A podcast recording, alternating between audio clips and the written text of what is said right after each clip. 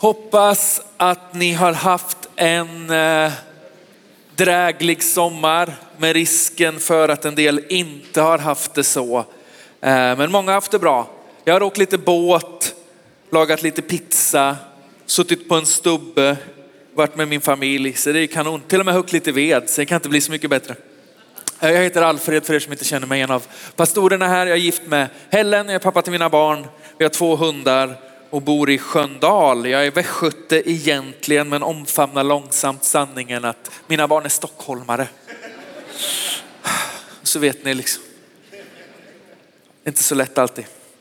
Den här sommaren så har vi läst Bibeln tillsammans, ett kapitel om dagen och så har vi försökt att predika utifrån det på något sätt under söndagens gudstjänst. Lyft fram någonting ur de där sex, sju texterna som vi har läst varje vecka som vi tycker har, har talat till oss eller som bär på någonting till församlingen. Idag ska vi utgå från den här söndagens text som vi hittar i första Johannes brev kapitel 1.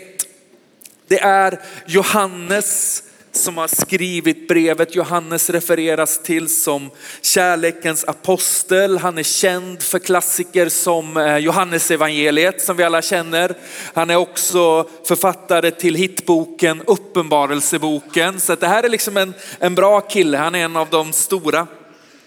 Och, och Johannes skriver eh, in i liksom en, en framväxande utmaning i kyrkan. Det har smugit sig in någonting som kallas för, för gnosticism.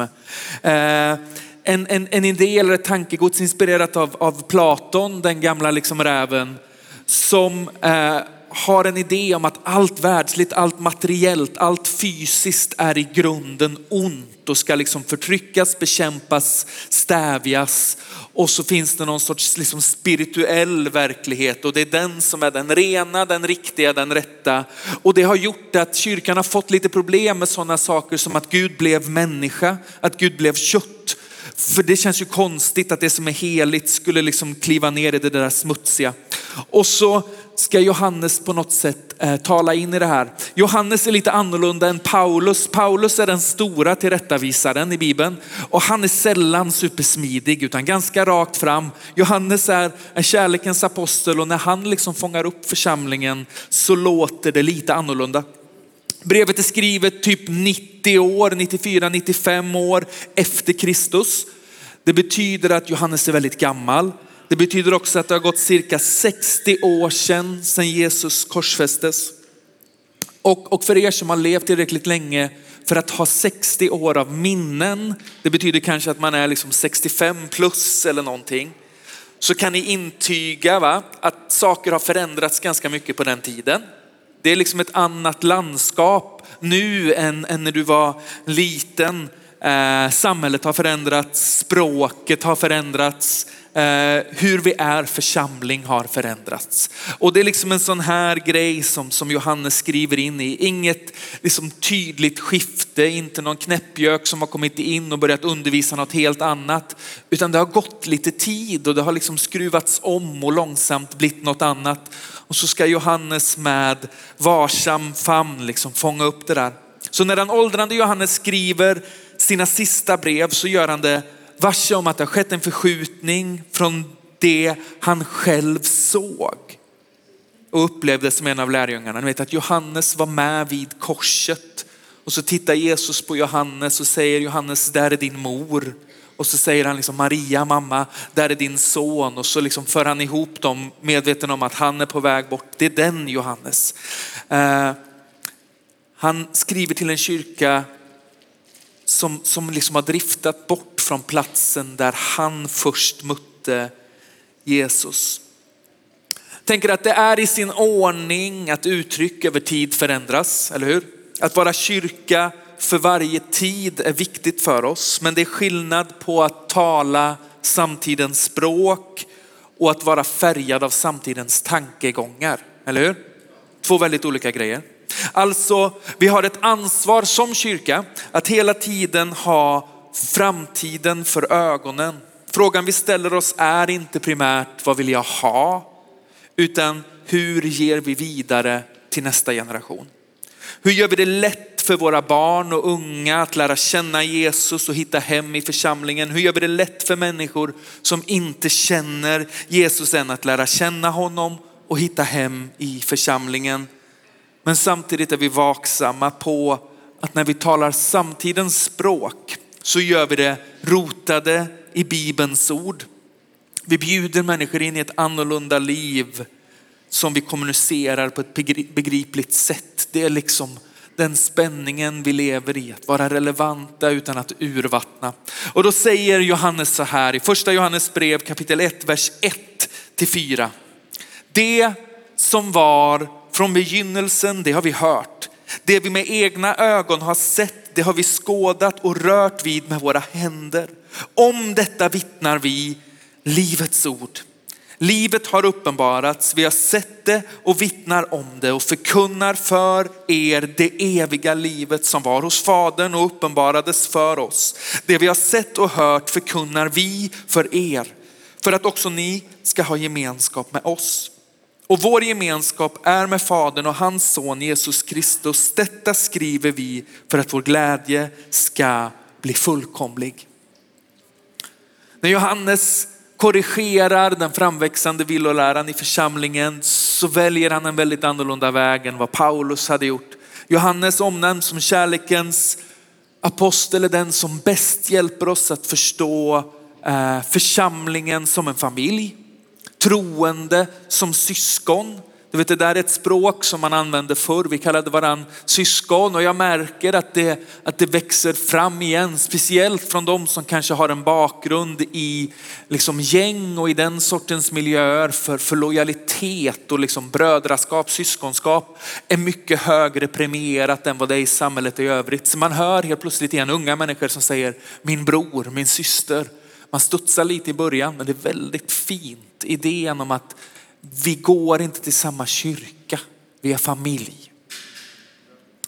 Han är den som hjälper oss förstå församlingen som familj. När han varsamt justerar kursen för en vilsen kyrka så pekar han på rötterna. Han säger det som var från begynnelsen, det har vi hört.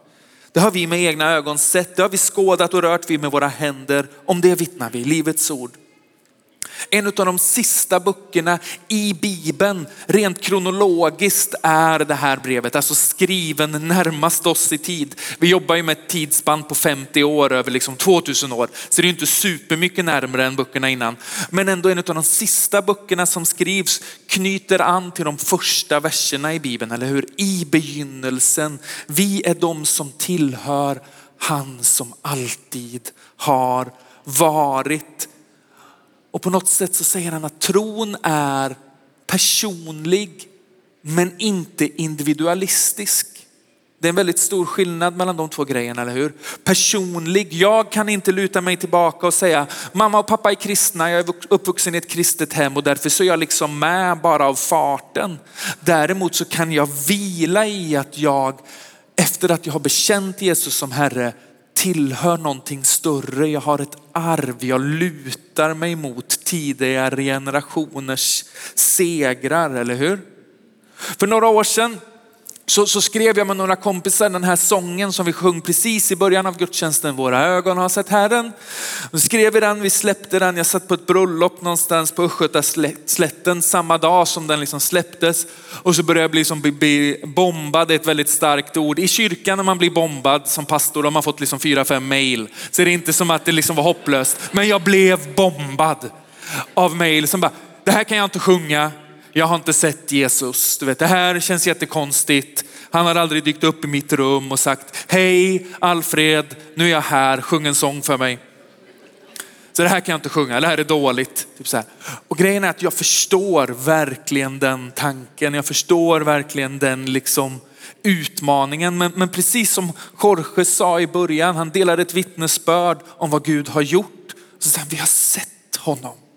Vi tillsammans, för tron är gemensam. Behovet av den personliga omvändelsen är nödvändigt, men tron är inte individualistisk. Den levs i gemenskap med andra. Och, ut, och det är det Johannes gör här, eller hur? Han drar liksom ett streck bakåt och så säger han, vi har sett honom. Vi har rört vid honom, vi har hört honom, vi kände honom som livets ord. Och så drar han in församlingen i någonting större. Där han lite underförstått säger att det här är liksom inte föränderligt. Det här skiftar inte beroende på vad vi känner utan han är den han är och jag tillhör honom på grund av att vi tillhör varandra. Din berättelse är min berättelse och min berättelse är din berättelse. Och så fortsätter han i vers 3 och så säger han, det vi har sett och hört förkunnar vi för er. Alltså han menar inte att vi tillsammans har sett, utan han menar jag och mina kompisar, apostlarna, vi var där, vi såg och vi hörde någonting. Men, men det vi har sett och hört, det förkunnar vi för er för att ni ska ha gemenskap med oss. Någonting händer i berättandet av vad Jesus har gjort som gör främlingar till vänner, som gör främlingar till familj. Och vår gemenskap är med Fadern och hans son Jesus Kristus. Alltså tron gör oss till delägare av varandras berättelse och för oss in i en gemenskap med varandra som inte bara är liksom en föreningsmodell eller en, ett sätt att organisera oss utan på ett djupt plan så blir vi familj.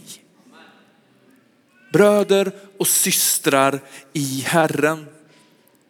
Tron levs i gemenskap med Fadern, Sonen och Anden, men den levs också i gemenskap med generationer. Tänker att en församling som bara samlar unga människor är en fattig församling. En församling som bara samlar gamla människor är en döende församling. Eller hur? En församling som samlar generationer, en rik församling.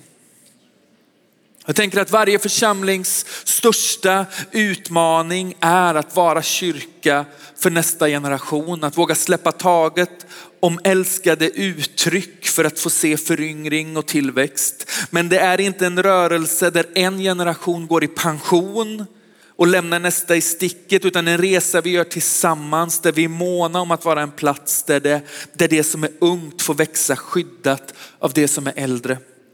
Det var någon som sa till mig, Alfred du kan inte predika en enda gång utan att referera till din stuga på något sätt. Så jag tänker att jag skulle vilja berätta en liten berättelse från min stuga. Det är viktigt ändå att få med någonting från skogen för er stockholmare.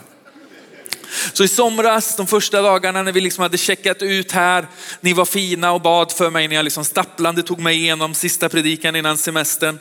Så, så, så tog vi oss till stugan och så skulle jag och Helen åka och fylla på sånt som man fyller på på landet, så gas och bensin och sånt. Så vi åkte iväg in till Flen och, och, när vi satt liksom i bilen så började det mullra något alldeles väldigt och det började blåsa. Och du vet ibland när det är åska så går det från att det är liksom stiltje, alltså vindstilla, till att det liksom kommer en sån stormvind så här fort. Man kan nästan höra hur det kommer dragande och sen så är det borta igen. Så åker vi in till Flen och så handlar vi det vi ska ha och när vi kommer tillbaka så ligger det en stor asp rakt över vägen, ett sånt jätteträd som liksom har vält. Grejen är den att under förra sommaren så hade de ett jättestort problem med en liten, liten skalbagge som heter granbarkborre. Är det någon som har koll på granbarkborre? Ja, yeah, kul. Granbarkborren tar sig in i granar Eh, och dödar dem och sen är det bråttom att få ner skogen innan den är helt ruttnad och farlig och liksom förstörd. Du behöver ta tillvara på värdet. Så det skogsägaren har gjort runt våran stuga är att han har gått in och plockat bort liksom varenda träd, typ 60-70 meter runt stugan. Det blir en helt annan liksom vy. Och när vinden kom och liksom tog tag så välte den här aspen som har stått rätt stadigt i 200 år. Liksom, det är en rejäl pjäs. Helt plötsligt så bara den smäller i marken. För grejen är den att vi tänker att träd har rötter liksom så här, eller hur? Långt ner i backen. Men sanningen är att de flesta rötterna i träd är så här. Och så stadgas de av träden som är runt omkring. De finner sitt lä, sitt skydd, sin styrka i att vara en del av någonting större. Och när det större plötsligt togs bort så hade den aspen som har klarat sig väldigt många år plötsligt ingen chans mot en enda storm. Jag tänker att den ibland överindividualiserade betoningen på den personliga erfarenheten riskerar att skapa troende som inte överlever över tid. För tron levs i gemenskap. Den hämtar styrkan i eviga sanningar, i den tröga tryggheten av att vara sammanflätad med generationer. Nästa vecka tror jag vi ska ha parentation. Eh, precis innan helgen här så flyttade en av församlingens, eller församlingens allra äldsta medlem hem till Jesus, 103 år gammal. Ingrid. Och även om hon inte har firat gudstjänst med oss på, på ganska lång tid, jag tror inte hon har varit här sedan innan pandemin. Va?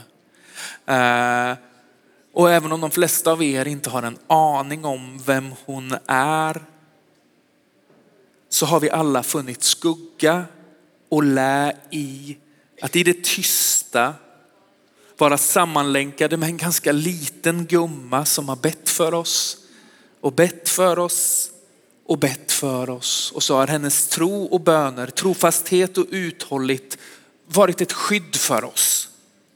Inte hon exklusivt, men det är så församlingen funkar. Vi är sammanflätade, vi är inte utlämnade åt oss själva. Vi är inte en ö i tiden, frikopplad från det som varit och det som kommer. Vi tillhör något större. Jag tänker att i det så finns det en djup som vila och trygghet. Allt hänger inte på dig och på mig. Jag behöver inte vara stark i varje säsong. Jag måste inte ha svar på alla frågor. Jag får brottas med tron ibland. Jag får tvivla när det är en sån tid. För jag är omgiven av troende som har vuxit sig stadiga och starka över tid. Och i skydd av tidigare generationers lä och skugga så får jag liksom chansen att växa upp precis som de fick chansen att växa upp i skydd av generationer före dem. Och så finns det något vackert i att veta att det kommer en dag när det sitter en generation i den här kyrkan eller någon annanstans som inte har en aning om vem jag är eller vem du är men som är skyddade, burna och omslutna av att jag sitter någonstans en bit bort och ber för dem. Och så är vi sammanflätade för församling är inte något vi går till, det är en familj som vi tillhör.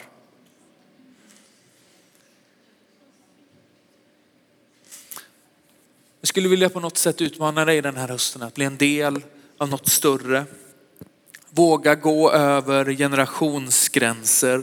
Våga lämna den åldersanpassade verksamhetens trygga famn och, lära dig, och röra dig mot den yngre eller den som är äldre än dig. Bjud hem en ungdom, fika med en gamling, investera i ett nygift par, bjud hem en massa singlar på fest, besök någon som inte får så många besök.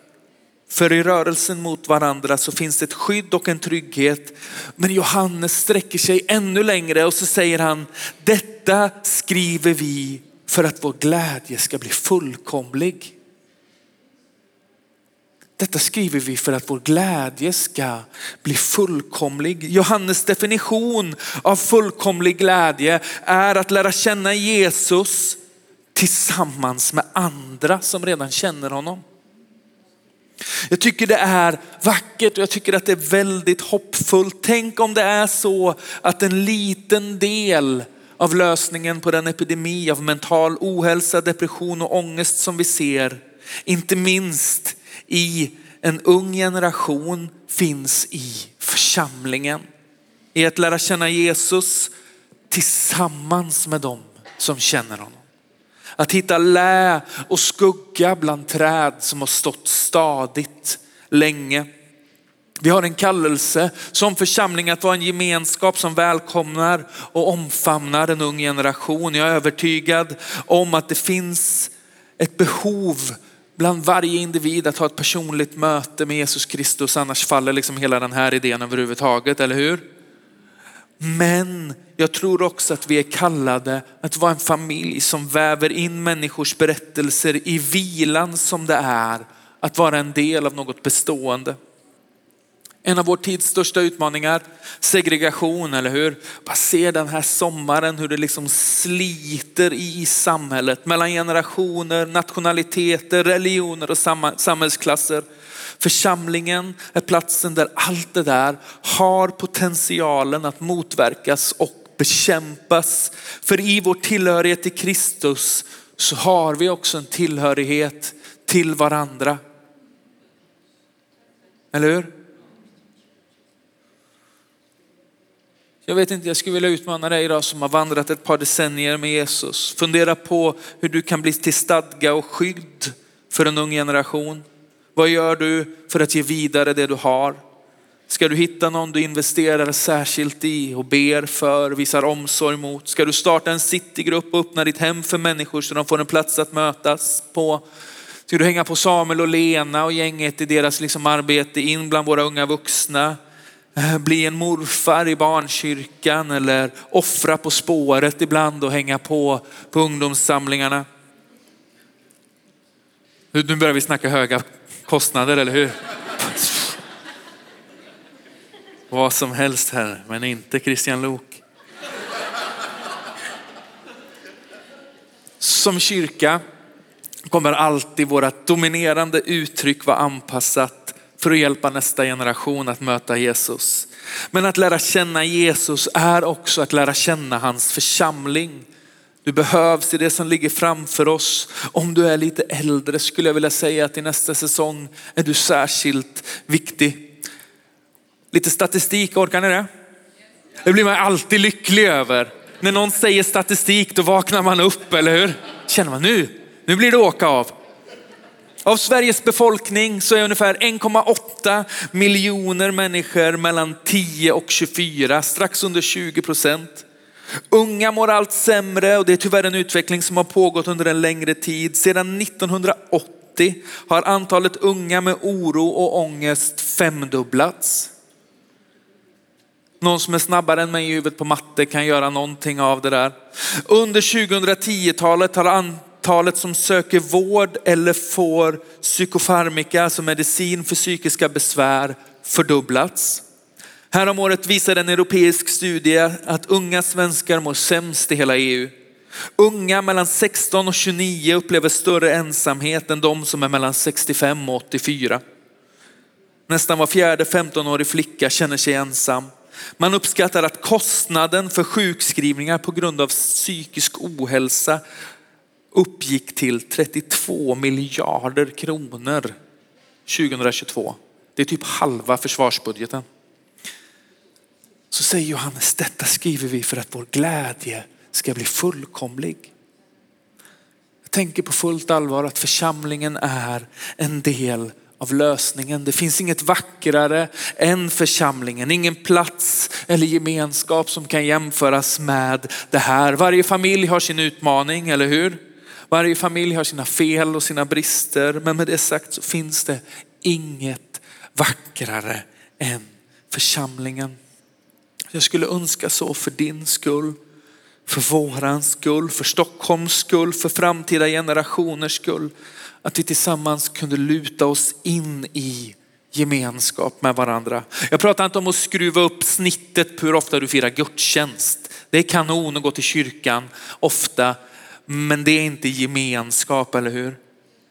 Jag pratar om hur vi avsiktligt tillsammans förklarar krig mot ensamhet och segregation. Hur vi tillsammans bestämmer oss för att tillhöra varandra.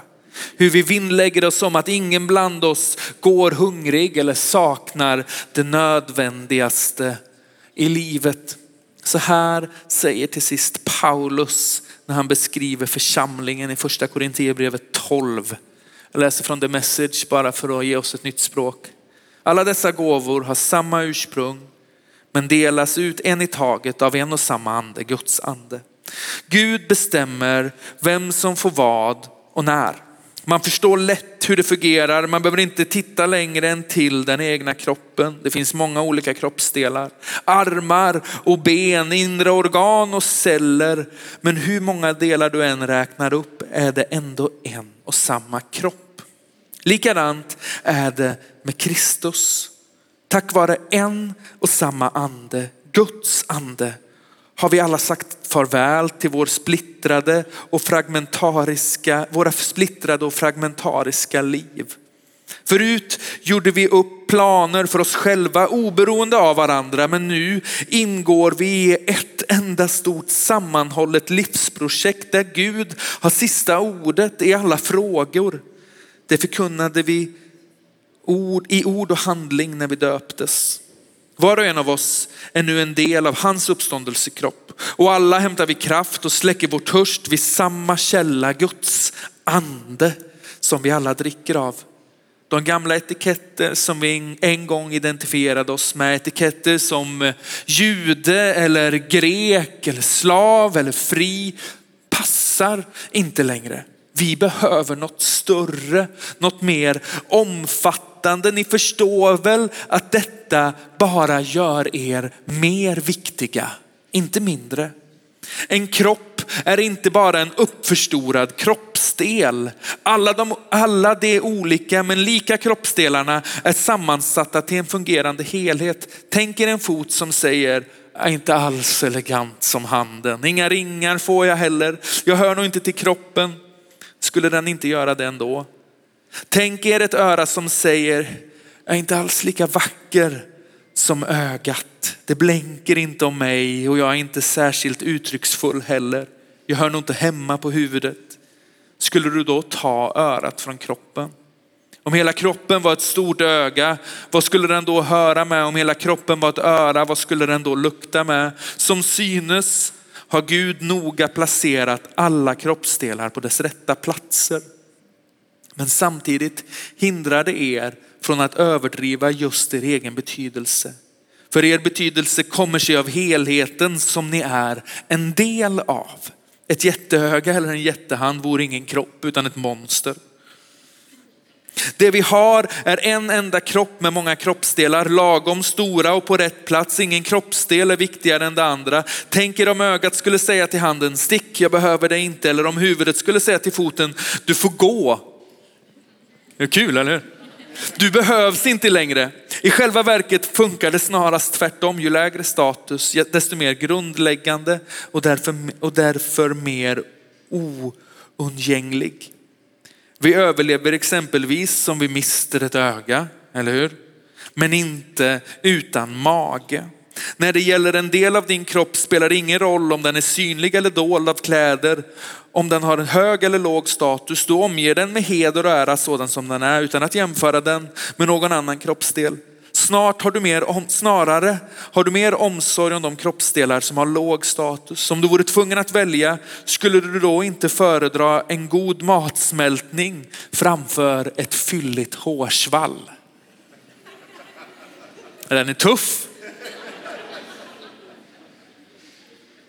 Guds sätt att foga samman kroppen till en enda helhet är ett mönster för vårt liv tillsammans som kyrka.